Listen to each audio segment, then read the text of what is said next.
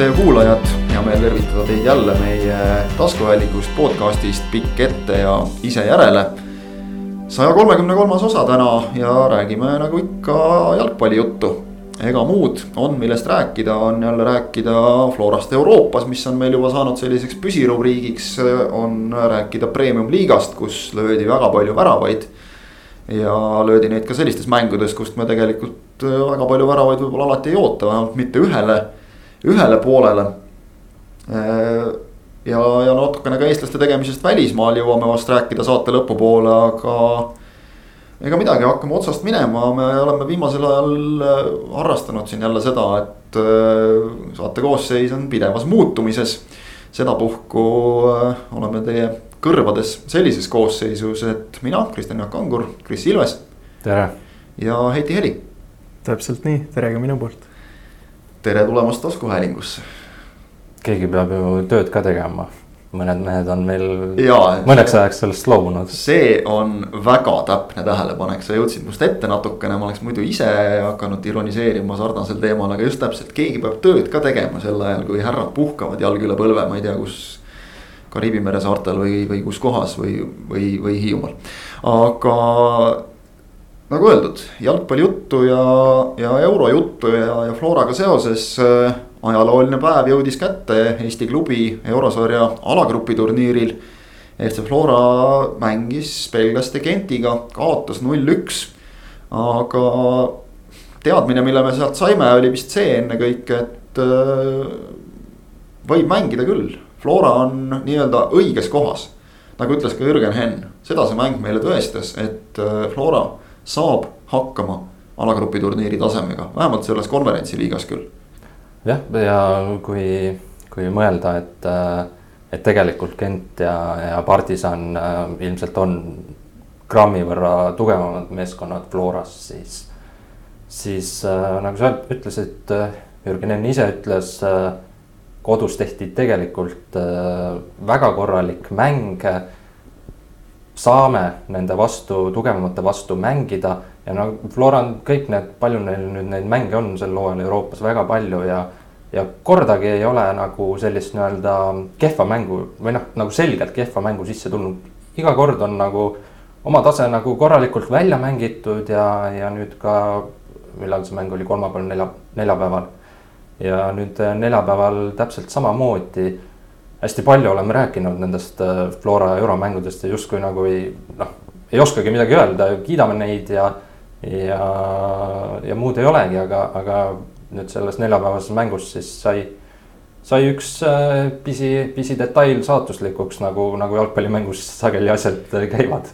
jah, nagu Jürgen Henn ütles ühe eelmise mängu, ma ei mäleta eel või järel, et, et juba tema esimene treener ütles, et väikesed asjad ongi tegelikult suured asjad jalgpallis, et noh, neid, nad tegelikult, kui vaadata nagu siis noh, treenerid, mängijad saavad nagu ise ka aru, et, et see noh, see on natuke selline klišeelik jutt, aga noh, see on nii. see, see vastab tõele. ja, ja, ja selles, selles mängus täpselt see, see üks, üks hetkeline keskendumise kadumine saigi ikkagi saatuslikuks. jah, oli ju seal see Audi sisseviske olukord ja tegelikult see palju jõudiski selle ohtliku tipuründajani, kellest kogu aeg räägiti ja tegi oma töö ära, ega siin palju juttu sellest ei saagi olla. seal, seal ei ole nagu palju kirjeldada jah, tegelikult lihtne olukord, noh, liiga lihtne Flora vaatevinklist. aga ma nüüd äh, kordusest äh, väga ei tuvastanudki ära, et kes see, kes see nii-öelda peasüüdlane on või, või on täielikult äh, meeskondlik eksimus ja ilmselt kommunik-, kommunikatsiooniprobleem oli seal kes, kes oleks pidanud seda meest katma, kes seal keskel oli? no üks asi oli see, et, et kes oleks pidanud katma lööjat. teine küsimus oli see, et keegi oleks pidanud peale minema mehele, kes sai palli Audi viskest alla võtta, sööta täiesti ilma surveta, ehk et nagu sa ütlesid, tegelikult meeskondlik black. et silma jäi võib-olla Michael Lillander, kes noh, kellele saab ette heita seda, et, et ära, ära hääleta suluseisu, mängi olukord lõpuni kahtlane, kas ta oleks jõudnud segama, aga noh, see mingi kaks protsenti võib-olla jääb, et äkki oleks, kui oleks sellele keskendunud. kasvõi kuidagi ehmatanud äh, selle ründaja ära sellega. aga no., aga, aga, aga noh, ta jäi silma nagu sellega, tegelikult seal oli, oli just mingi kommunikatsiooniviga tõenäoliselt, et. Äh, et, et meeskondlik käkk ikkagi selles mõttes aga mul kohe esimese hooga ei meenugi, et Flora noh, ütlesime küll, et Flora on Euro, Euroopas nii-öelda oma taseme välja mänginud, aga, aga kas sellist Blacki on sel hooajal olnud, midagi taolist? pigem, pigem mulle ei meenu ausalt öeldes et need peaks olema, siis need peaks olema üheksas mäng minu meelest, eks ole, neil kaheksa oli, oli eelringides ja üheksas mäng, see on nagu päris kõva sõna tegelikult. kas mitte see Leegia löödud värav siin A Le Coq Arena'l, ta oli üsna sarnane. selle, selle võib mõnes mõttes panna noh, samasse kategooriasse. Okei okay,, seal võib nagu mingiks vabanduseks tuua selle, et, et meeskond oli natukene noh, moraalselt löödud sellest eelneva oma värava äravõtmisest, aga noh, see ei vabanda sellel tasemel see, see oli natuke jah, selline lihtne värav, natuke liiga lihtne värav.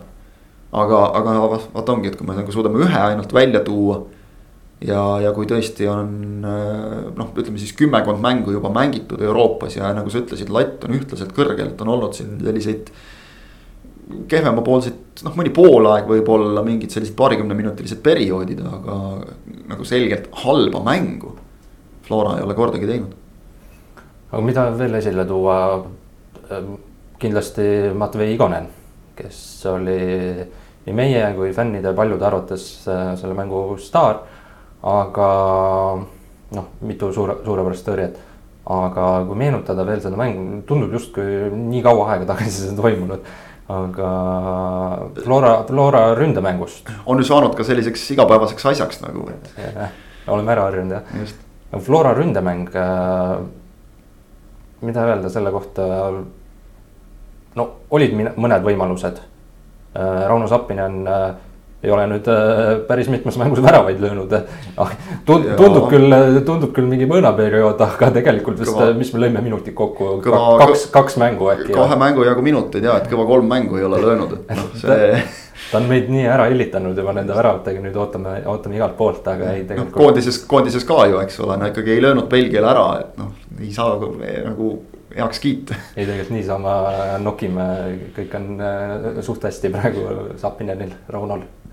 Raunol isegi. Rauno, Raunodel on, on head ajad praegu. aga kas mitte Rauno Alliku tegelikult vasakul äärel, noh muidu ta on mänginud tipus paremal äärel, tegelikult ta vasakul ja sai päris hästi hakkama no ta sai hästi hakkama, aga ma ütleks ikkagi, et ja ta mängis koha välja, aga ma ütleks ikkagi, et, et kui tuli Hendrik Ojamaa, kes noh, ilmselgelt ka ei ole veel nagu mänguvormis pärast vigastust, et siis nagu natuke oli näha, et, et noh, sellest ütleme, et millest jääb puudu Allikuga, et Allik on kõva töömees. Aga noh, tal olid tegelikult võimalused, mis sellel tasemel kohe mängu alguses noh, tegelikult tuleb ära lüüa. kui tahad nagu sellel tasemel punkte võtta, siis sellised tuleb ära lüüa, sest selliseid liiga palju ei pakuta. et sa, sa mainisid, Kris, võimalusi, et tegelikult kui statistikat vaadata, siis jääb selline mulje, et oli nagu hirmus ühepoolne mäng, nagu mängu vaadates seda tunnet ei olnud. mängisid kaks võrdset võistkonda, aga noh, kokkuvõttes ikkagi võib-olla see just nagu jääbki ka kripeldama, et, et, et Igonen tassis mitu korda ehk tegi väga hea mängu. Tõi ära ka mõned asjad, mida noh, ei, ei oleks nagu tingimata eeldanud väravavahilt, et peab tooma. ja, ja siis lasta endale nagu niivõrd totrast olukorrast värav lüüa, et, et see kindlasti on jälle mingi kooliraha, mida, mida Flora peab maksma. jah alliku võimalus on jah, see üks, aga ma mõtlen üleüldiselt äh, Flora nii-öelda nagu ründemängu. Jah, on paremaid mänge olnud, aga, aga suures plaanis ju asjad toimisid, Zappinen tegi ikka oma, oma selle firmamärgi, et äh, poen vastase kaenla alt äh, läbi ja peale. aga lihtsalt natukene võib, võib-olla sellist, kui see alliku võimalus välja jätta ja Zappinenil vist oli ka üks väga hea, et tegelikult nagu selliseid väga kindlaid äh, hetki ei olnud, aga aga see ongi see, uuesti saab öelda, et sa mängid eurosarja alagrupi turniiril, sa mängid Belgia tippklubi vastu ja, ja ilmselt sul ei tekigi sellistes mängudes äh, väga palju võimalusi, pead ka need ära lööma, mis, mis võib-olla ei ole nii head võimalused. ja et, äh, et noh, me nüüd nagu heidame siin Florale ette, et nad ei suutnud tekitada viit-kuut äh, väga head võimalust Belgia tippude vastu, et noh, see näitab ka, kui kõrgele see meeskond on, on ise oma, oma lati ajanud Flora mured ikkagi natukene said, süvenesid selle mänguga. ma ei tea, ma isiklikult ei ole nagu väga nõus, ei taha olla väga nõus selle jutuga, mis, mida pärast mängu räägiti, et, et noh, Flora probleem on füüsiline vastupidavus ja, ja et, et noh, me teame, et Flora pink Eesti mõistes on väga sügav ja pikk. Euroopas noh, mitte võib-olla niivõrd aga, aga minu meelest nagu see mäng nüüd küll sellele tõestust ei andnud, et vastased tõid äh, umbes pool tundi enne lõppu äh, kolm värsket meest sisse, võis tunduda, et noh, see on nüüd see hetk, kus. Kent võtab mängu enda kätte juhivad ka. tegelikult ju Flora pidas, pidas lõpuni vastu, kuidas sulle Heiti tundub, minu meelest nagu see ei, ei, ei paistnud selles mängus väga välja, et nad nagu vastupidavust ei oleks või midagi sellist. ei, ta väga ei peegeldanud küll seda, et ähm, noh, võib-olla oleks oodanud äh, võib-olla varem need vahetused ära teha aga samas võib-olla seda mängurütmi polnud vaja nii-öelda lõhkuda. võib-olla, mis kõige rohkem äh, kananaha ihule tõi, oli see kümnendal sekundil äh, Lillanderi vastu tehtud viga, mis tegelikult oli sihuke punase kaardi vääriline, aga noh, vähemalt oleks võinud kollasegi saada, et no.. et samas ju noh, seal Kallaste tegi ju kärmelt sooja, et tulla mängu, noh, lõpuks Epikul oli väike vigastus, Luka liikus keskele Kallaste äärekaitsesse, et tegelikult saadi ju täitsa hakkama. ma ütleks, et nagu seal jah, saadi hakkama, aga vot nüüd ongi see, et, et nagu enam tagalat ei ole. Flora kaitseliinis, et see, see on nüüd nagu murekoht, et siin viimases liigamängus Erko-Johanna Tõugjas õnneks vist on. peaks olema haigusest nii palju tervenenud, et oli jälle pingil, veel ei sekkunud, aga praegu see tagaliin noh, ta on küll selles mõttes natukene juba kokku klopsitud, et Luka ei ole Floras olnud siin viimase aasta jooksul keskkaitse, vaid selgelt äärekaitse. Hendrik Pürg on endiselt öö, oma selle päris tõsise kõrvavigastusega väljas. Sepiku vigastus, noh, tundub ka selline, et, et see ka natuke võtab aega, paranemine sellest. ja, ja noh, seda võis ju tegelikult nagu peljata natukene, et kas, kas Flora lõikas natuke võib-olla näppu sellega, et nad ikkagi ei toonud endale nüüd suvises aknas äh, kaitsesse ühtegi, ühtegi täiendust? no praegu on vara öelda see näitab aeg. aga praegu on jah, seis on nõre kuidagi, kui seal peaks tulema veel näiteks mingi vigastus. ja mängukeelud ka ju, me ei saa neid ka ära unustada, et äh, mängukeelud, need paratamatult võivad tulla. ja, ja üks oluline argument on veel see, et noh, kindlasti tiheda graafiku juures, mis Florat ees ootab, Jürgen Henn tahaks mõnes liigamängus anda mõnele põhimehele natuke puhkust, aga praegu on täiesti selge, et no näiteks Märten Kuusk peab mängima kogu aeg. ja mm. küll ta on ise öelnud, et noh, mängin kogu aeg, et pole probleemi ja ilmselt ei olegi probleemi, aga täpselt nagu sa ütlesid, sellise koormuse pealt, mis on ikkagi Eesti mängijatele harjumatu. tuleb mõni väike vigastus, võib su kõrvale jätta kaheks nädalaks, aga selle nädala jooksul on võib-olla kolm olulist mängu, üks Euroopas, kaks koduliigas jah, võib-olla üks mees kaitseliinis on äh, vangerdamisruumi praeguse seisu järgi. no tegelikult kaks, sest noh, loeme Kristo Hussari ka sisse, kes premium liigas saab nagu aidata, aga kellel Euroopas on seni null minutit, et noh, seal teda nagu kasutada. noh, ilmselt Flora on näidanud enne, et kui vaja on, siis visatakse tundmatus kohas vette ja, ja vaata ise, kuidas välja ujud ja noh, tihtipeale ujutakse ka ja minu arust Flora peab praegu üliõnnelik olema, et tal on kaitseliinis äh, selline universaal nagu Marko Luka.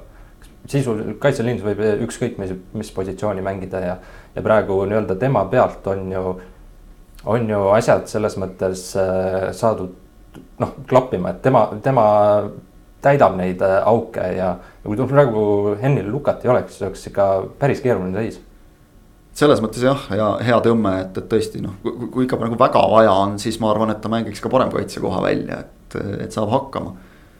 aga, aga see võib-olla on jah, Flora kõige, kõige suurem mure, et, et tuua noh, keskväljale on mehi pingilt tuua, ründesse noh, tegelikult ka on võtta.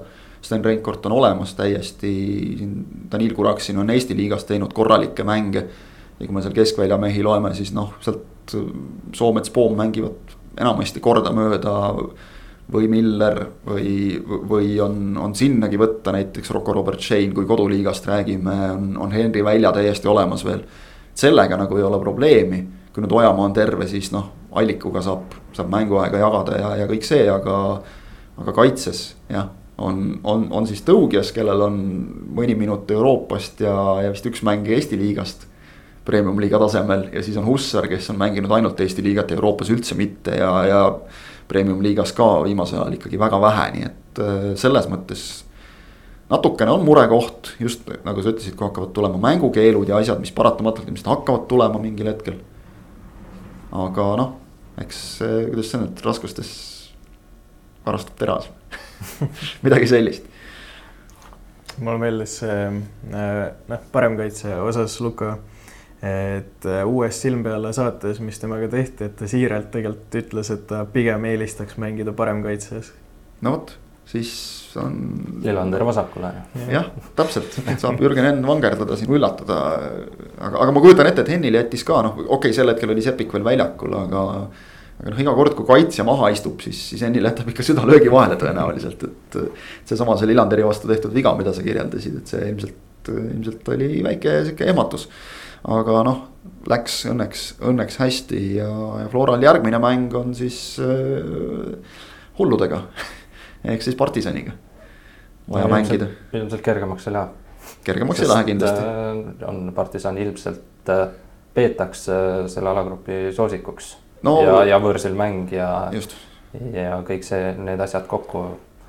Seal on täpselt kaks, kaks külge, et, et kui sa suudad seal neid korraks üllatada, siis võib publik pöörata ka kodumeeskonna vastu jälle. aga et noh, minna sinna nende kirglike serblaste ette.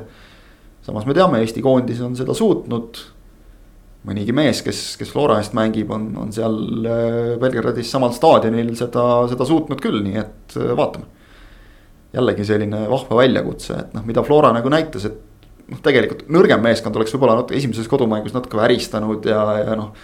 Hirmsasti tahtnud head tulemust teha ja läbi põlenud, mulle tundub, et mingit läbipõlemise ohtu nagu sellel, sellel Floral naljalt ei ole. jah, ma, minu arvates ka, aga, aga noh, kunagi ei tea, kuskohast see läbipõlemine tulla, tulebki äkki null viis ja, ja siis räägime teist juttu, et põletigi läbi, aga noh aga no ma ei tea, ärme mõtle nii negatiivselt, selles mõttes Flora on need üheksa mänguga tõestanud, et äh, nad on, on igaks mänguks äh, tegelikult väga hästi valmis ja, ja just äh, mulle tundub mentaalselt ennast üles, üles seadnud. et ütleme, et endale on loodud nagu selline puhver ka, et noh, ühe ebaõnnestumise võib lubada, et noh, loeme tööõnnetuseks, lähme edasi. mul oli pigem võib-olla selle Genti mängu eel sihuke mõnus tunne, mis oli võib-olla koondise kuldaegadel, et kui siia A Le Coq Arena'le sai tuldud ja sisimas oli ikka tunne, et noh, no siit ikka tuleb midagi ja võib tulla midagi head, et ka tegelikult selle mängu eel oli see. vot sa mainisid äh, jah, koondise kuldaegu ja, ja Arena'le tulemist, et võib-olla üks väike pettumus selle mängu juures ikkagi see publiku number kaks tuhat kuussada kuuskümmend kuus, ilus number, aga, aga esimene number võiks küll oluliselt suurem olla tegelikult. kas, kas natukene, kas, kas natuke, ei taha nagu väga siin kritiseerida, aga, aga kas natukene ikkagi kuulates nagu erinevaid nurinaid, et alagrupi turniir ja kõik vägev värk väljakul tehakse nagu hästi, aga kas, kas natukene ei ole nagu neid probleeme, et see mängukorraldus ei tule nagu päris järele või? nojah, tegelikult Floral ju peaks seda kogemust nüüd olema, et äh, noh, kõik siin ju suuremate Eintrachti ja Leegia mängudega. ma ise tegelikult ootasin ka sihuke võib-olla neli tuhat, viis tuhat pealtvaatajat, et see oleks nagu päris okei okay.. aga kui ma mängu eel staadionile kõndisin, siis seal teise värava juures oli sihuke noh, ligikaudu pool tundi enne avavilet oli ikka väga pikk järjekord, kuni Sportland Arena lõpuni välja, et peaaegu juba nurga taha. et sellega see majandamine oli üsna kohmetu Flora poolt, et kui Eesti-Belgia mängul suunati, kui järjekord läks pikaks, suunati teise väravasse inimesed, siis tegelikult seda ei tehtud ja inimesed võib-olla jõudsidki alles pärast avavilet kui sa ütled, et noh, pool tundi enne mängu, siis ei saa nagu väga ette heita ka seda ja sa ütled, pool tundi enne mängu on järjekord juba selline, need inimesed on järelikult varem tulnud, ei saa nagu ette heita ka, et liiga hilja tullakse, et noh, nagu. tund enne mängu noh, okei okay,, noh võib ju öelda, et tulge, aga, aga nende ilmadega noh, on selge, et. kes, kes on käinud välismaal vaatamas, see teab, kuidas nagu suuri masse lastakse staadionile sisse ja eriti staadionilt välja, mis on on kuidagi arusaamatult siin Lillekülas alati problemaatiline, et et, mujal on suur mitmekümne noh, ikka mitme-mitmekümne tuhandeline, viiekümne tuhandeline staadion on sul kümne minutiga tühi tegelikult, rahvas on väljas, meil on üks uksepool jälle kinni.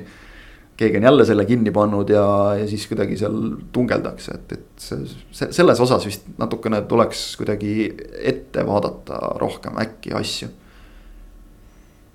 aga samas, kelle otsa tuleb vaadata, kas Flora või ikka Flora. ma arvan, et ikka Flora selles suhtes, et, et ega turvameeskond teeb ju vastavalt nagu ka sellele nagu klubist öeldakse, et noh, koostöö ühesõnaga. Et need on nagu natukene asjad, mis, mis on kuidagi silma jäänud isegi nende võrdlemisi madalate publikunumbrite juures siin ka varasemate koondise mängude puhul, et, et noh. midagi nagu logiseb siit-sealt et, et kui, kui meil on nagu olnud suur oluline teema premium-liigas see ka nüüd, et, et noh, publikunumbrid on tegelikult naeruväärsed, kui siin. Flora mängis Kaljuga ja sul on seal noh, suurusjärgus kolmsada inimest.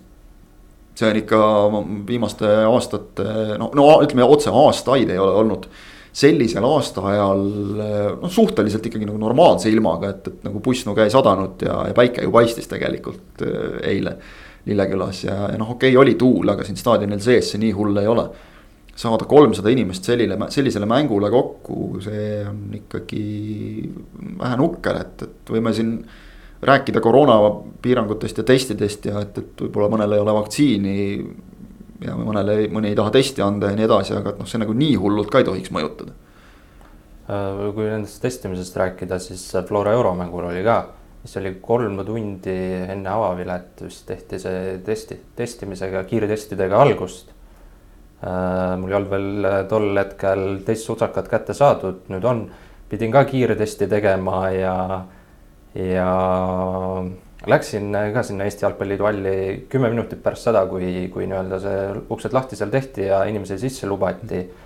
aga ma ei saanudki aru, mis, mis asi, midagi seal seisis, ei toimunud, ei toiminud see värk ja inimesi kogunes, kogunes, kogunes ja lõpuks oli järjekord uksest välja ja ja natukene võib-olla jalgpallikultuuriga ka, seal äh, Flora fännid, noh, ma ei tea, kas siis just äh, Flora fännid või, või lihtsalt äh, jalgpallisõbrad omavahel veel läksid ka seal nii-öelda järjekorras sõnelema, et et äh, mina tulin enne, enne sind, ei, ei, mina olin ikka eespool. ühesõnaga sellist huvitavat nii-öelda, ma ei tea, jalgpallikultuur, missugune. no see on ju tore, et kui inimesed tahavad enne teisi nagu testi anda, et see eeskujuks kõigile, eks ole, aga.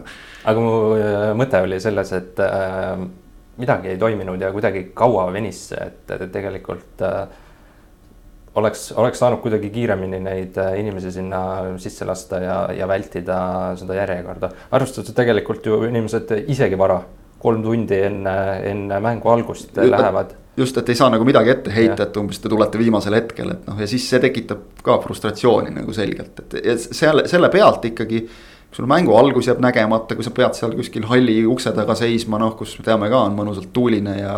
ja ütleme, et noh, kui selle asja mõte on nagu, et su tervis oleks, e, e, e, oleks garanteeritud see, et sa oled terve, ütleme siis niimoodi. et siis seal halli ukse taga nagu tuule käes lehvimine, see nüüd paremaks ei tee tingimata seda. ja ma ei tea, kuidas äh, näiteks kaks tundi hiljem see olukord seal oli, võib-olla siis juba asjad toimisid, võib-olla natukene teen liiga siin, aga, aga just see alguses, kui, kui mina käisin siis kuidagi, kuidagi venis jah, see võib-olla, võib-olla hiljem asjad toimisid, ma ei tea ühesõnaga, võtame siis niimoodi kokku, et natukene parandamisruumi on, et, et ei taha maa sisse tampida kedagi, aga, aga saaks ehk natuke paremini. ja, ja kui me koduliigast räägime, siis noh, koduliigaga on vist ikkagi natuke see ka, et, et. Eks see on nagu selline koolkondade küsimus täpselt nüüd jälle, et kas EM-i ajal oleks pidanud mängima ja, ja kõik see, aga noh, praegu tegelikult ilm ei ole ju halb, aga just hakkasin mõtlema, kui kuskil öeldi ka, et noh, tuleb siis tulla mängule nagu sobivas riietuses aga kui me, mulle tegelikult ei meeldi rääkida premium-liigast kui tootest, noh jalgpall ei peaks olema toode, ta võiks nagu, võiks ideaalis olla midagi muud ja enamat. aga et kui me räägime sellest kui tootest, siis noh, ühtepidi jah, sa võid tulla mängule talvejopes sooja pesuga, suusapükstega ja sul on mõnus olla. Hea vaadata, aga esiteks, kust sa niimoodi tuled, sa pead kodust läbi käima ja kostümeerima ennast vastavalt. ja teiseks, kuhu sa sellise kubujussina edasi lähed no pigem ei lähe kuskile, lähed jälle koju tagasi ja nii mõnigi inimene jätab selle tõttu, ma usun ikkagi ka noh, vahele selle mängu, et, et teeb teised plaanid. eriti noh, kui me räägime siin A Le Coq Arena'st, siis see ei ole nagu tegelikult vabandus ega argument ega probleem, siin on ikkagi suhteliselt mõnus ja mugav jalgpalli vaadata. Aga kui me siin, meil hooaeg on veel pikk ees ja, ja kui me läheme kuskile tuule käes olevatele lahtistele ilma katuseta tribüünidele ka veel, siis, siis, siis noh. on, on nagu natuke narga pahaks panna, et, et seda, seda on kurb lihtsalt vaadata kõrvalt, et vahepeal meil läksid nii kenasti publiku numbrid üles. minu meelest ei saa seda, seda on praegu hea lihtne lükata nagu koroonakraesse, et noh, täpselt, et inimesed ei taha testida ja pole süsti teinud ja. ja vaatavad parem kodust, aga minu meelest need probleemid on natukene kuskil mujal. Et no., et päris, päris selle kraessi ei saa ka kõike lükata Äh, soe suvi oli siis oligi mugavam käia nüüd. jah, aga siis, siis ei saanud käia vaata. jah, hellitati ära selle heade ilmadega. aga vaata, see konks ongi, et siis ei saanud käia, siis ei olnud mm -hmm. mänge, mida vaadata. aga äkki ülekanded on kvaliteetsemaks muutunud? jaa, seda nii, noh, seda niikuinii, see ei ole üldse küsimus, aga, aga noh, tegelikult, et nüüd ongi see küsimus, et või probleem, et nii Inglismaal näiteks on see olnud, et või noh, on. Hea kolleeg Järvela kirjutas siin ka mõned mõned nädalad tagasi vist artikli, et miks siis, kui Ronaldo tuli mängima esimest korda uuesti Manchester Unitedi eest, miks seda mängu Inglismaal telekast ei näidatud, et noh. seal on, on see loogika, et, et me mingil kellaajal ei näita, me, me muidugi nüüd puhtalt nagu oma huvidest lähtuvalt kindlasti ei kutsu üles nagu mingeid mänge mitte näitama, et ikka kõike on vaja meil näidata loomulikult ja vaadake meilt, aga aga just nagu klubide jaoks on kindlasti murekoht, et inimesed ei jõua staadionile enam kuidagi. Et, et siin ikkagi nagu mõne klubi inimestega rääkides noh, selgub, et et, et kui isegi vaadata nagu meeskonna ja naiskonna mänge, et, et siis noh, ikkagi see langus on seal oma kaks kolmandikku, et see on ikka päris, päris karm meie. no niigi mitte just liiga suurte numbrite juures. aga kui premium liigast oli juba juttu, siis läheme selle Flora pealt edasi ka, ka Flora premium liiga mängu juurde. Nõmme Kalju juurde, Raunodest oli ka juttu, Zappinenil on mõõn jah ja selles mõttes vähemalt on ühel pulgal Henri Anieriga, kellel oli siin ka vahepeal oli hirmus mõõn, kus ta umbes kolm mängu ei löönud väravaid ja siis äh, selline.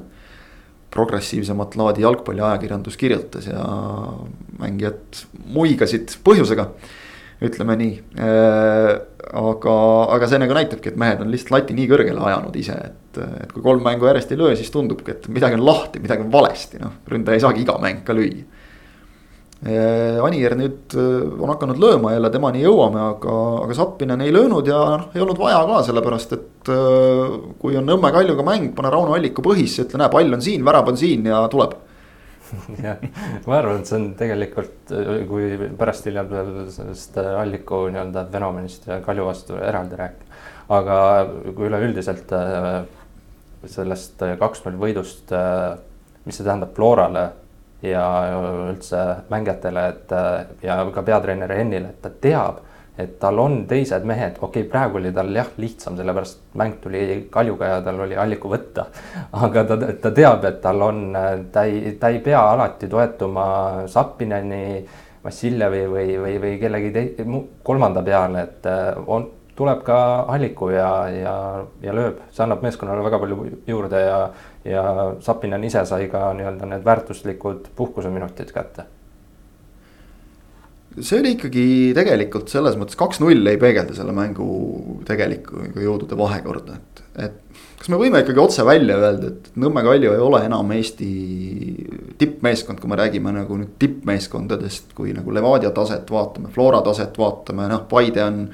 ei ole sel hooajal, ma usun, nad ise ka tunnistavad nagu oma noh võimeid välja mänginud aga need kolm ikkagi on, nad on praegu, nad on esikolmik. Kaljule ei, ei jää mitte midagi järjepidevalt näppude vahele mängudest äh, suurtega, Paidega null-null viik peaks vist olema endiselt ainus punkt, mille nad on, on saanud suurte vastu. no see, kui see nii on, ilmselt vist on, kui on, siis, siis see juba ütleb nii mõndagi ja kui Eestis on kui me lähtume nii, et Eestis on kolm tippklubi, siis jah, Kalju ei, ei ole tippklubi jah, aga, aga ma lihtsalt mõtlen seda, et see klassivahe, et noh, meil on kolm, meil ei ole neli enam. kas võib praegu nii öelda? Hmm. mänguliselt selle hooaja põhjal. pigem, pigem küll jah, et tegelikult see esikolmik ikkagi on juba liiga kaugele läinud, no nii mänguliselt kui punktiliselt tabelis ja korra tundus, et Kalju võib-olla jõuab sinna järgi, et hakkab Paidele kuklasse hingama, aga nüüd tegelikult eh, Kalju peab vaatama, et Leegion ette ei läheks jah, Kaljul on praegu Leegionist kaks punkti rohkem kõigest. aga mis mind äh, nagu väga üllatas, et, et, et Kalju, kelle, kelle firma märk on, on olnud selline Frantsevi käe all selline noh. füüsilisus ja sirgjoonelisus ja, ja noh, jõuline mäng ja, ja nii edasi. Nad jäid kuidagi erakordselt pehmeks, eriti esimesel poolajal, kus see mäng sisuliselt otsustati ära Äh, kui, kui vaadata Flora keskvälja mehi ja, ja kui vabalt nad said palliga tegutseda, kuidas sisuliselt nagu puudus selline aktiivne pressing. siis see oli minu jaoks nagu kõige kõnekam. me võime jah rääkida sellest, et noh, Kaljul olid tegelikult oma väga head võimalused äh,. Homotovil esimesel poolajal, Pauril, Kaspar Pauril teisel poolajal. Noh, sajaprotsendilised võimalused, mis sellistes mängudes jällegi täpselt nii nagu Florale võime öelda Euroopas, et tuleb ära lüüa, nii tuleb Kaljule öelda siin Eestis, et kui tahad nende tippude vastu saada, siis, siis tuleb neile ära lüüa. aga, aga, aga see esimesel poolajal ilmnenud ikkagi noh, nagu selge klassivahe. see oli minu jaoks, minu jaoks üllatav. tegelikult jättis siukse kuidagi treeningmängu mulje juba või sihuke taliturniiri mäng, et noh. me oleme harjunud, et see on ikkagi suur derbi, suur mäng. et seesama, see publiku puudumine, noh, kolmesaja inimesega sa loomulikult ei saagi sellist õhkkonda kätte üldse, aga. aga, aga tõesti, et sellist suure mängu õhkkonda enam ei olnud selle mängu ümber. ei olnud enne, ei olnud nagu ažiotaaži tavapärast ja, ja ei olnud mängu ajal ja, ja noh, ei olnud ammugi pärast mängu. jah, ei olnud väljakul. Ka nii-öelda mängijate seas, et noh, kui ma ikkagi iga aasta olen käinud nii-öelda just sellel Kalju Flora mängul, siis seal on see sihuke kirg ja sihuke.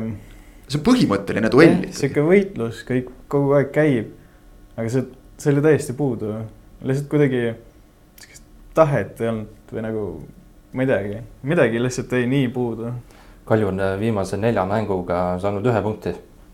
see oli see üks-üks viik Transiga, kus, kus Meerits tegi imemängu.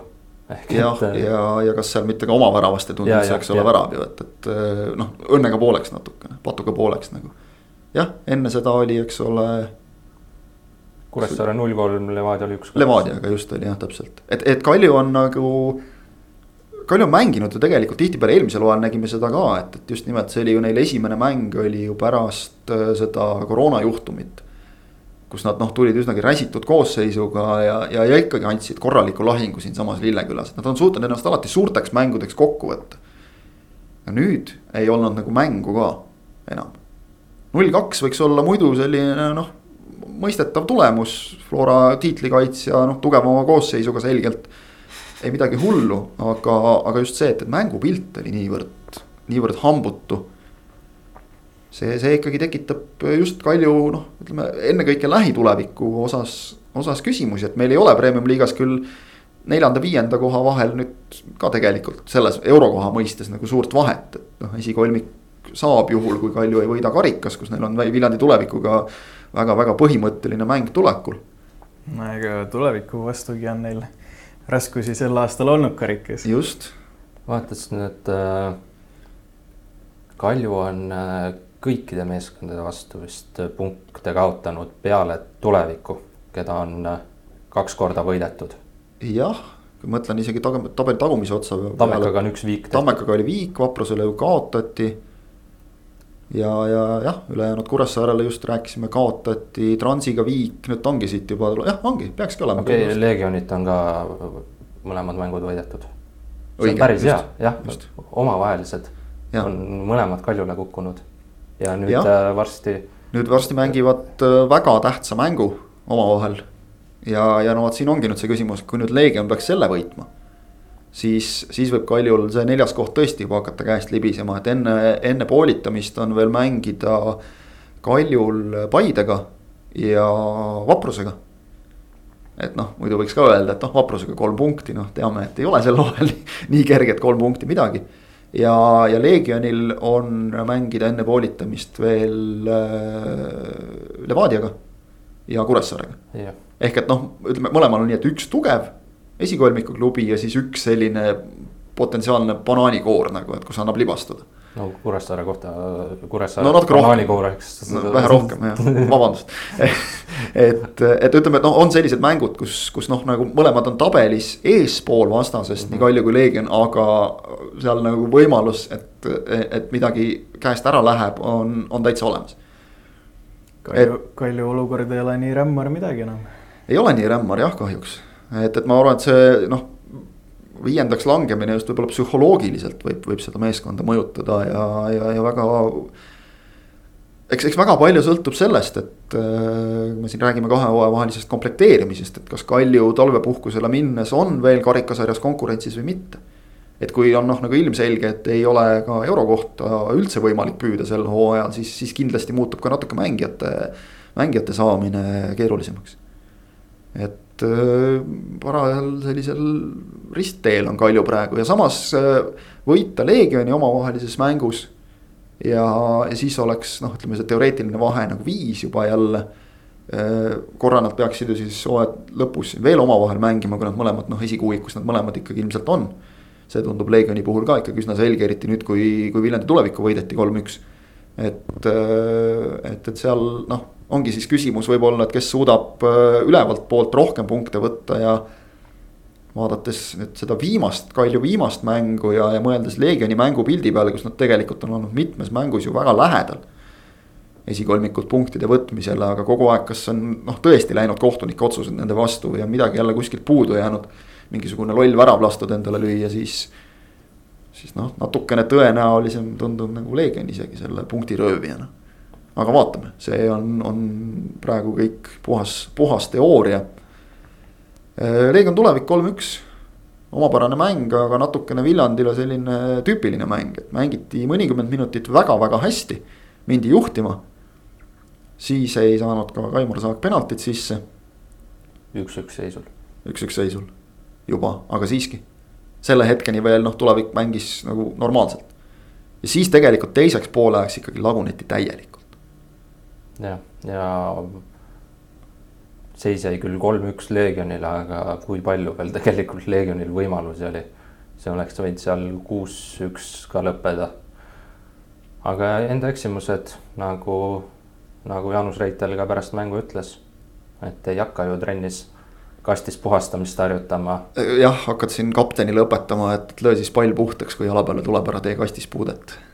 et noh, mingid sellised asjad on, mis, mis nagu tulevikumängul ei, ei lase joosta praegu ja nad on ikkagi sellises kerges ohutsoonis veel. et on küll jah, kaks, kaks viimast meeskonda, noh, seal on endiselt punktivahe, aga Kuressaare tuleb, tuleb väga suure hooga ja, ja noh, väike, väike oht ikkagi on, on tulevikul. no see on nüüd äh, okei okay,, teoreetiline võimalusel on, aga see on nüüd päris selge, et äh, kuue hulka neil enam äh, asja ja. ei ole.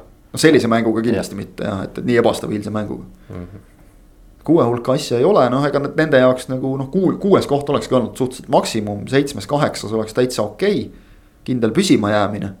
aga, aga ütleme just mänguliselt noh, kui näed, kui me siin räägime meeskondadest, kes oma võimeid välja ei mängi, siis siis, siis tulevik on ka ikkagi olnud üks, üks selline, et nägime nende võimeid esimesel poolajal ja siis teisel poolajal kõik nagu kadus kuskil. Leegioni osas ka võib-olla seda, et seal ründemängus on hea meel näha tegelikult seda, et kui a la Pakic ei löö, siis lööb Šapovalov ja vastupidi, et tegelikult see Andreevi lahkumine võib-olla nii suurt märki ei jätnudki maha jah, nüüd saame juba mingisuguseid äh, järeldusi natukene teha, et, et kuidas, kuidas Leegion hakkama saab, et me ju arutlesime, et, et noh, kui peaks Šapovalov kuskile välja minema ja nii edasi, et noh, Šapovaloviga on siin omad. väikesed sellised tormid veeklaasis olnud, aga, aga noh, ei tea, et Martin Reim koondise mängude järel nagu avaldas lootust, et kui. Kui nüüd Šapovalov äkki kuidagi sellest nagu saab mingit sportlikku viha või midagi sellist, et siis on ju hästi, et noh Šapovalovi pea sisse ei näe, aga et kui sai võib-olla sellest natuke, siis, siis ongi päris hästi, et kui sa kaks väravat lööd niimoodi ja, ja noh, nagu. sellised head ründaja väravad. Läks, noolis palli ja pani ära. et, et äkki, äkki tuli kasuks, ei tea ju. oleks võinud veelgi panna, aga. vot see on võib-olla ainus asi, mida talle natuke saab sel hooajal ette heita, et tal on sellised noh, sellist ründaja ütleme halastamatust, noh mingites olukordades võib-olla, kas nüüd puudu jääb, aga no ütleme siis otse, et ta ei, ta ei löö mingeid selliseid väga häid võimalusi ära, et kui ta need ka ära lööks, noh, aga, aga võib-olla esimest hooaega premium-liigas mängivalt mehelt me ka nõuame liiga palju. kui ta need ka ära lööks, siis, siis ta oleks nagu ikka eriti kõva vend, et äkki siis lööb need järgmisel hooajal. vaadata äh, praegu kümme kirjas äh, debüüthooajal äh, kaheksateistaastane on, eks ju. et tegelikult ju väga korralik number, aga mulle just Leegioni ründemängus meeldib, et see omavaheline mõistmine, klapp äh, mängijatele on kuidagi nii hea, nad äh,. Nad äh, teavad, kes kuidas liigub, kuhu tahab äh, sööte saada ja nad vahetavad äh, ise omavahel väga palju positsioone ja see noh, neile on vabadust antud ja, ja, ja nad, nad naudivad praegu vaadates tundub, et see nooruse ja, ja kogemuse tasakaal on, on Leegionis nagu paika loksunud. väga huvitav on vaadata nüüd, kui nad, kui nad nüüd esikuuikusse noh jäävad, mis tundub üsna selge. noh, neil ei ole seal midagi kaotada tegelikult. mingit pinget nagu peal ka ei ole, sest noh, kolmandat kohta ei püüa, see on selge. kui võtta, kus nad eelmisel hooajal lõpetasid ja, ja mis, mis mänge nad eelmisel hooajal, hooaja lõpuks mängisid, et, et noh, põhimõtteliselt, et püsima jääda ja siis vaadata, vaadata nüüd seda, et kui nad nüüd lõpetaksid esikuuikus, siis väga põnev saab olema vaadata, et kui palju, mida nad seal korraldavad seal selles viimases mängude ringis. et need saavad kõikide suurtega mängida nii, et noh, null pinget peal täiesti. ja aga nad äh,, nemad ka ei ole ju suurtelt punkte saanud. just. Paidega vist oli viik. just väga vähe, aga, aga mäng on olnud hea mängupilt on olnud hea nendes suurtes mängudes, et noh, ütleme ka näiteks siin viimati läks äh, läks noh, skoor läks nagu täiesti käest, viis-üks Levadia vastu. aga mäng oli ju tegelikult oli, oli tasavägine noh, ühe sellise tõesti vaieldava otsuseni välja.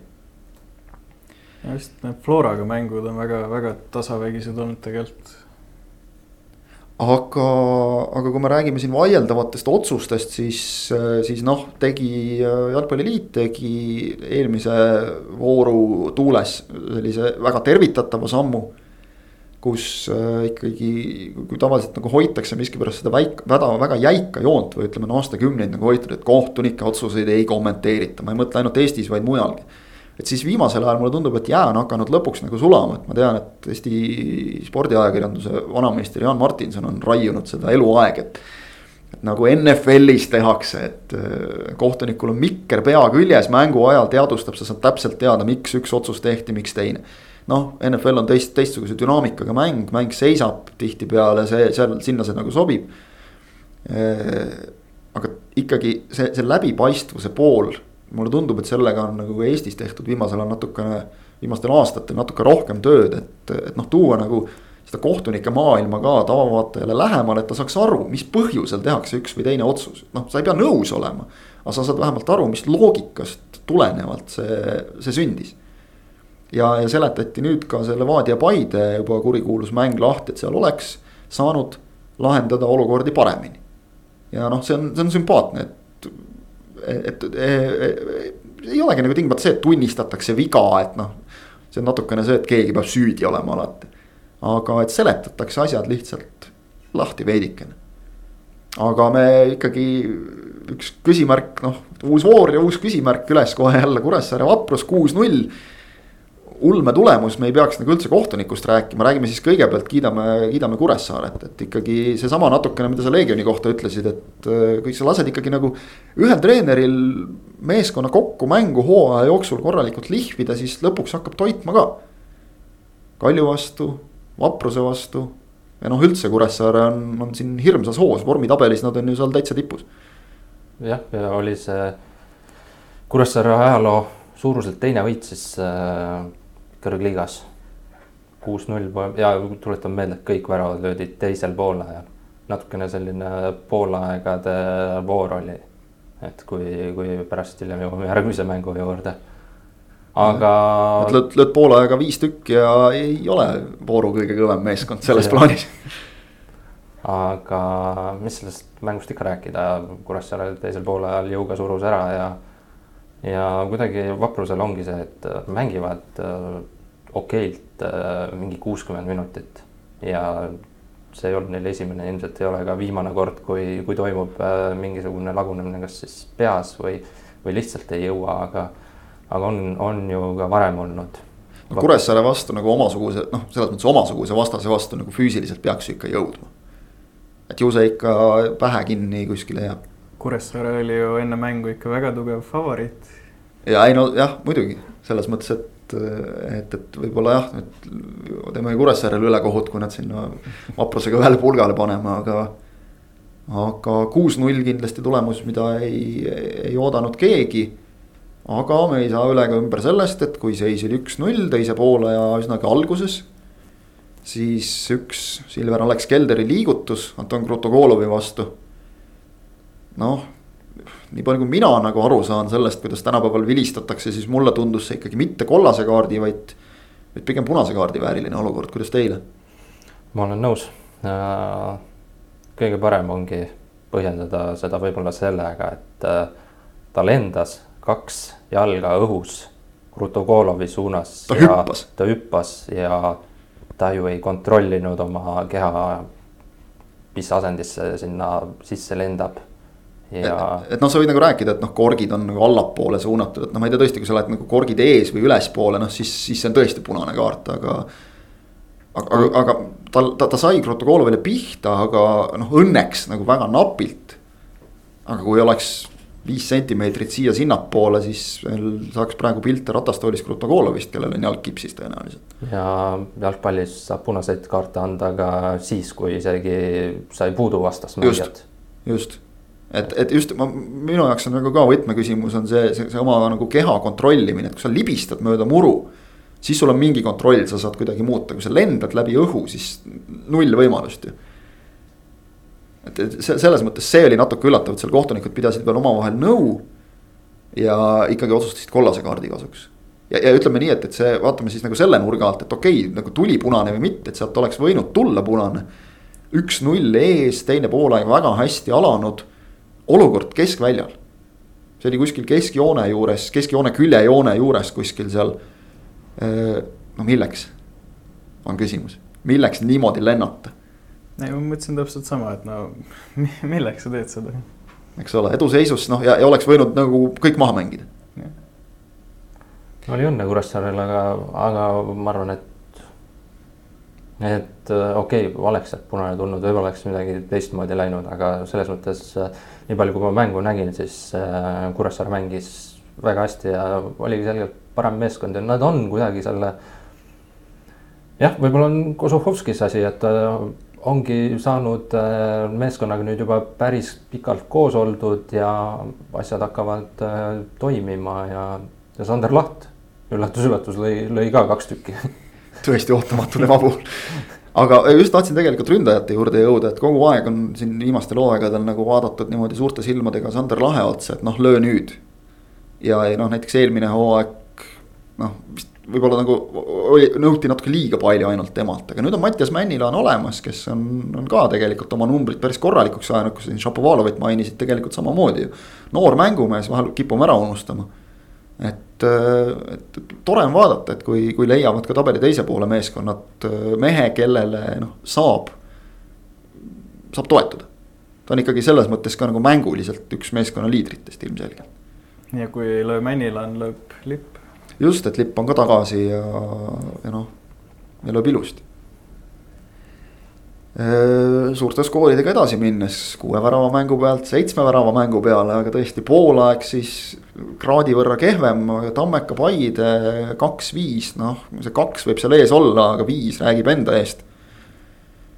No vähemalt me teame nüüd nagu natukene, mis on tartlaste võib-olla hetke sellise vormi põhjus. Kui Artur Uljanov äh, ja teisedki mängijad äh, on, on pärast eilset mängu juba, juba ütlesid ja, ja on varemgi öelnud siin. et äh, tuli Dmitri Kalašnikovs ja, ja tehakse väga vihaselt praegu trenni.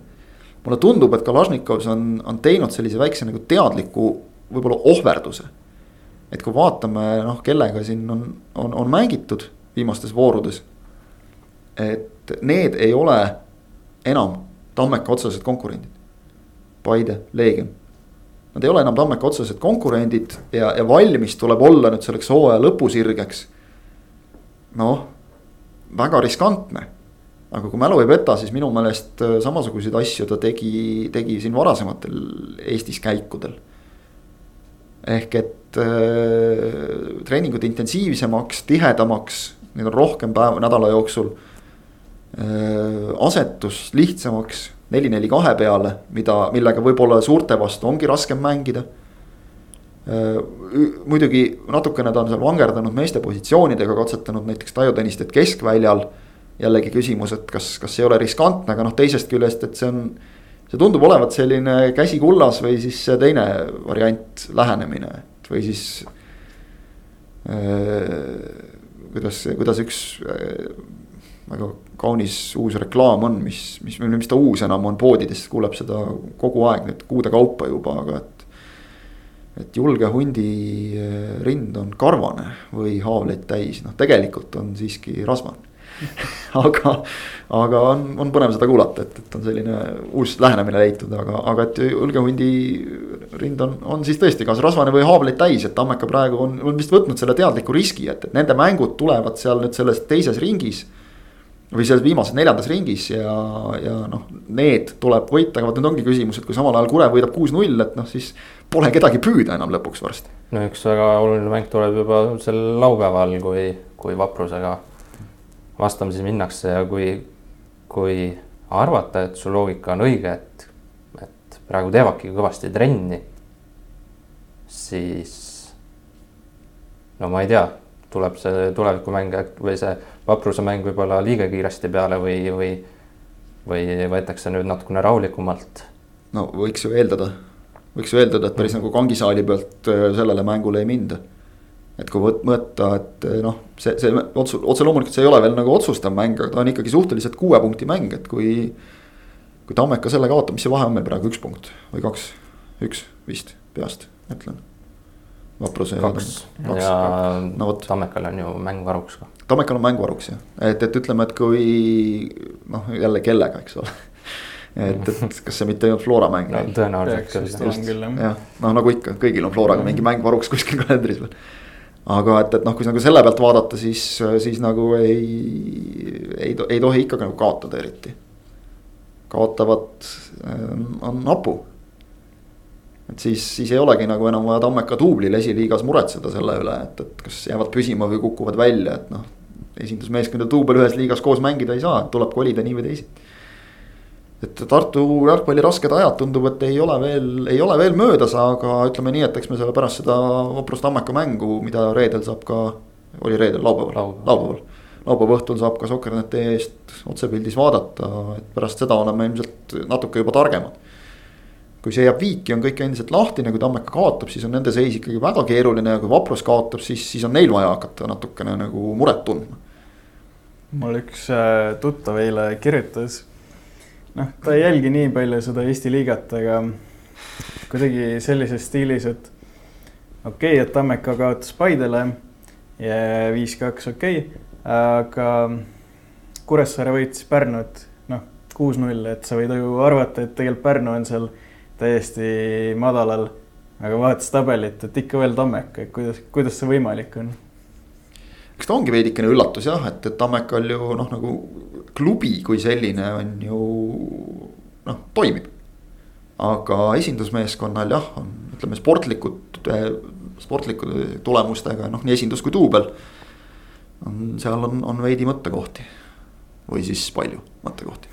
Tammekal äh, ma ei tea, kas ei sattunud see treenerivahetus õigel ajal või, või noh, selles mõttes, et äh, ei tulnud seda nii-öelda treenerivahetuse efekti, et oleks nad kohe saanud äh, kolm punkti kuskilt kirja, siis äh, ma arvan, et nende seis oleks äh, päris hea, aga, aga praegu ei ole seda õnnestumist tulnud ja tegelikult kaks päris, päris halba kaotust sellist, et just See... skooriliselt ja et, ja et kui me mõtleme, et äh, mis seisus oli oli Tammeka varem enne Kalašnikovsi tulekut, siis äh, suures plaanis kõik läheb samamoodi edasi, me lihtsalt ei tea seda, seda meeskonna siseelu, et nii hästi, et. Äh, kaks praegu... mängu, kaks mängu on võib-olla nagu väike valim, aga teisest küljest mind üllatas see juba esimeses mängus pärast treeneri vahetust, et sellist noh, kui me treeneri vahetusega kaasnevalt näeme nagu niisugust mingit uut hingamist või, või mingit mängijate soovi tõestada, noh, ei, ei olnud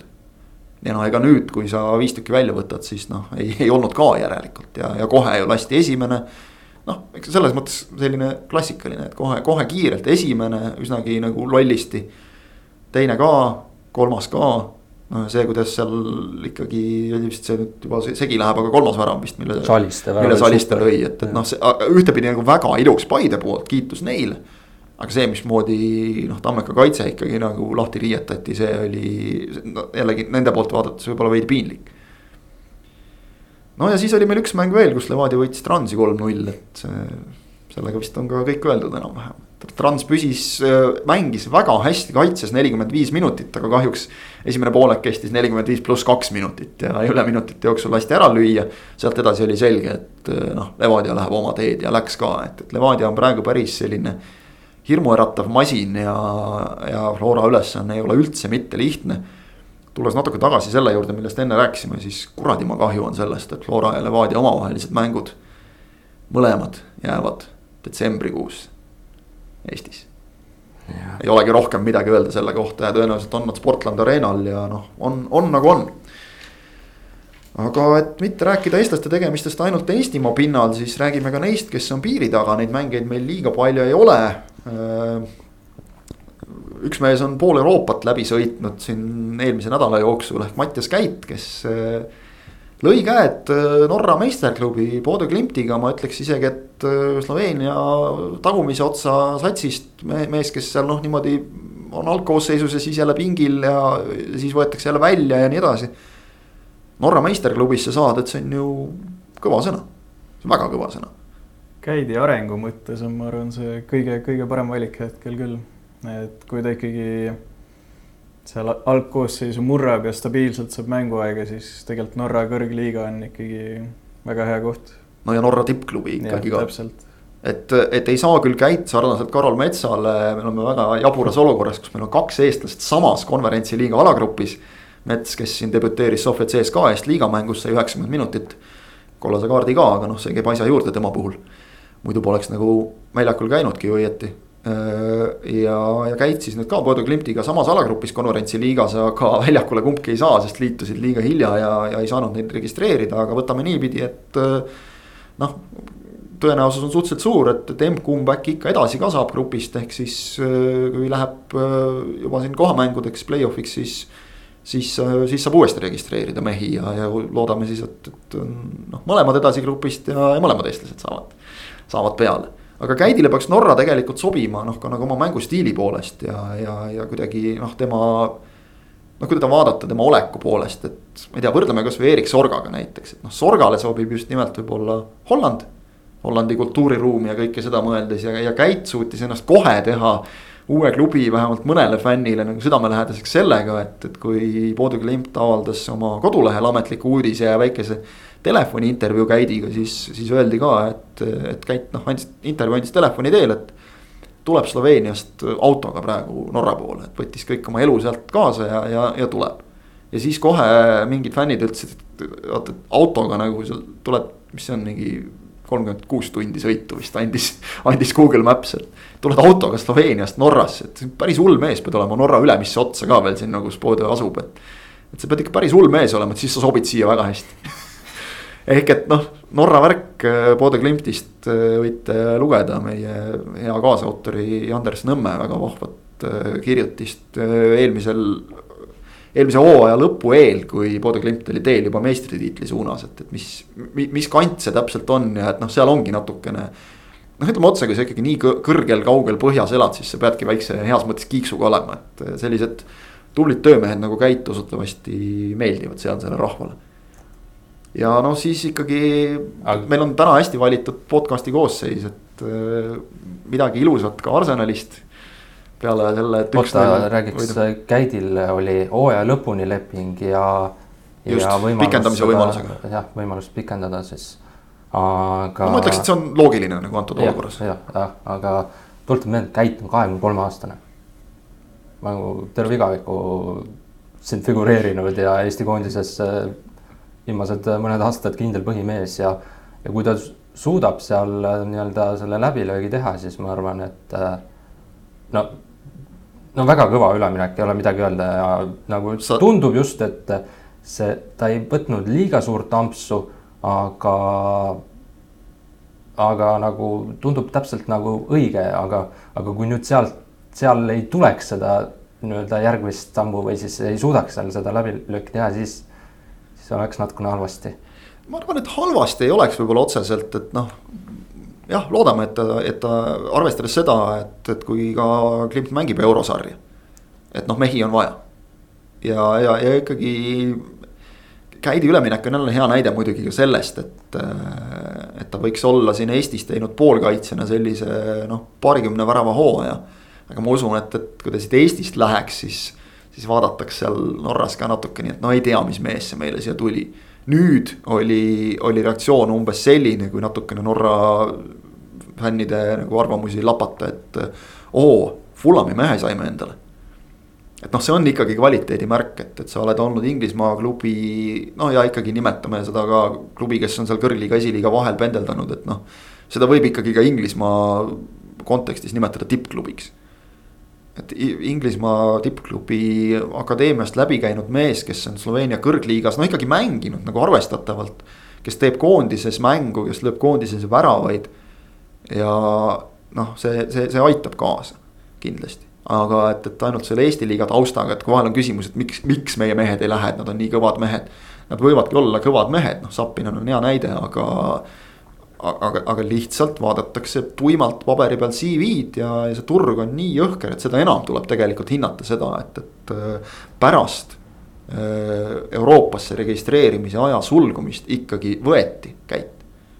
et see on, see on viis pluss, aga Arsenali head uudised peale üks-null võitude Karl-Jakob Hein jätkab Arsenalis. jah. Positiivne positiivne ilmselt, äh, ilmselt mõlemale, et, et noh, Hein on, Heina tulevik on natukeseks ajaks kindlustatud, milline see täpselt välja näeb, me ei tea. aga noh, eeldada võib, et ta mingil hetkel läheb laenule, kuivõrd ikkagi. Arsenal tõi endale uue väravavahi Ramsdale'i näol ja, ja, ja Bernd Leno noh, veel on seal no heina osas jah, pikalt oodatud tegelikult äh,. ei, hea meel küll, aga ma miskipärast ootasin, et ta pigem läheks juba sel hooajal laenule, et võib-olla sinna noh, championship'i või league one'i, et saaks sealt mänguaega, saaks meestes mängida, mis tal just oleks rohkem nagu vaja äh,. Ramsdale väga hästi tegelikult hakkama saanud, et ma arvan, Leeno teha, tehakse varsti rahaks ära no paistab, Hein tõestas oma taset siin U kakskümmend kolm mängus, kus äh, jah, õnnest-, ei õnnestunud küll väravat puhtana hoida, aga kuus-üks võideti ja kõik selles plaanis ilus. ja Eesti jalgpalli tulevikust veel rääkides, siis ikkagi ka üks märgiline, ma loodan, et me räägime Eesti jalgpalli tulevikust, sest nagu väga tahaks, et, et siin on on Oliver Jürgensi ümber viimaste aastate jooksul palju keerutatud, aga, aga noh, tegelikult võiks nad ikkagi teha nagu kõik vähemalt. Eesti poolt oleneva, no ma, ma eeldan, et on ka tehtud, ma väga tahaks loota vähemalt. aga, aga ikkagi, et, et see, see, see mees ka mingil hetkel Eesti koondisesse jõuaks. ja Interi eest alustada Real Madridi vastu noorte meistrite liigas, noh ei ole kõige halvem saavutus. kaugeltki mitte. on äh, noori eestlasi veel mänginud selles sarjas või? mul praegu esimese hooga ei meenu, aga, aga. ma tahaks peast öelda, et jah, on, aga kuskilt nagu tuleks keegi meelde no Levadia on neid eelringe mänginud, noh. no jaa, jaa, see ei ole oluline. see, see ikkagi meistrite liiga põhiturniir, see, mis, mida mängivad siis nagu nende noh, meistrite liigas olevate meeskondade noored, noored, et äh, igatahes on see, see on kõva tegu. joonistage ja, ja kirjutage meile, kui teil, teil meelde tuleb, kui teil on parem mälu kui meil. peaks nagu olema meeles, aga, aga hetkel ei löö ette, aga jah, üks-ühe mängisid välja, Jürgens äh, alustas.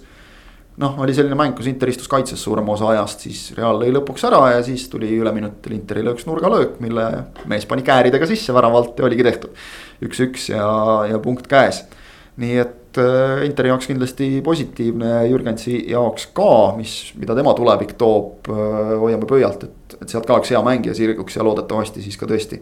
hea mängija ka Eesti koondisele, neid ründajaid on meil palju, aga ega, ega kunagi üleliia palju ka ei ole. vot sellised jutud täna äh, meistrite liigast me jõuame kindlasti veel ka oma järgmistes äh, saadetes rääkida, seal siis äh, ka juba esimesed üllatused äh, käes, Manchester United kaotas Young Boys'ile. Pariis Saint-Germaini suur staaride armee ei saanud Club Brugge vastu üks-ühest enamat, aga sellepärast me ju jalgpalli armastamegi, et see selliseid vahvaid üllatusi pakub, nii et uh, uus nädal täis uh, tõesti täis jalgpalli, Soker.ee ees näiteks selline nädal, kus igal päeval on mõni otseülekanne kokku neid lausa üheksa, on premium-liigat, on esiliigat, on naiste meistriliigat naistekoondisi ja Kuressaarel läheb üldse igal rindel hästi, ehk et Kuressaare duubel mängib Sapoosiga neljapäeva õhtul A Le Coq Arena'l väikese karika nimel. ehk äh, ega muud, vaadake meie ülekandeid, käige staadionil kindlasti, sest tegelikult ilmad ei ole üldse nii hullud, väljas on kümme kraadi sooja. Pange sall kaela ja on kohe palju parem olla ja müts pähe ja saab vaadata küll, ei ole häda midagi. Tänase saate tegid Kristjan Jaak Kangur, Kris Ilves ja Heiti Heli. Aitäh kuulamast, pikk ette ise järele taas teiega juba nädala pärast, nägemiseni, kuulmiseni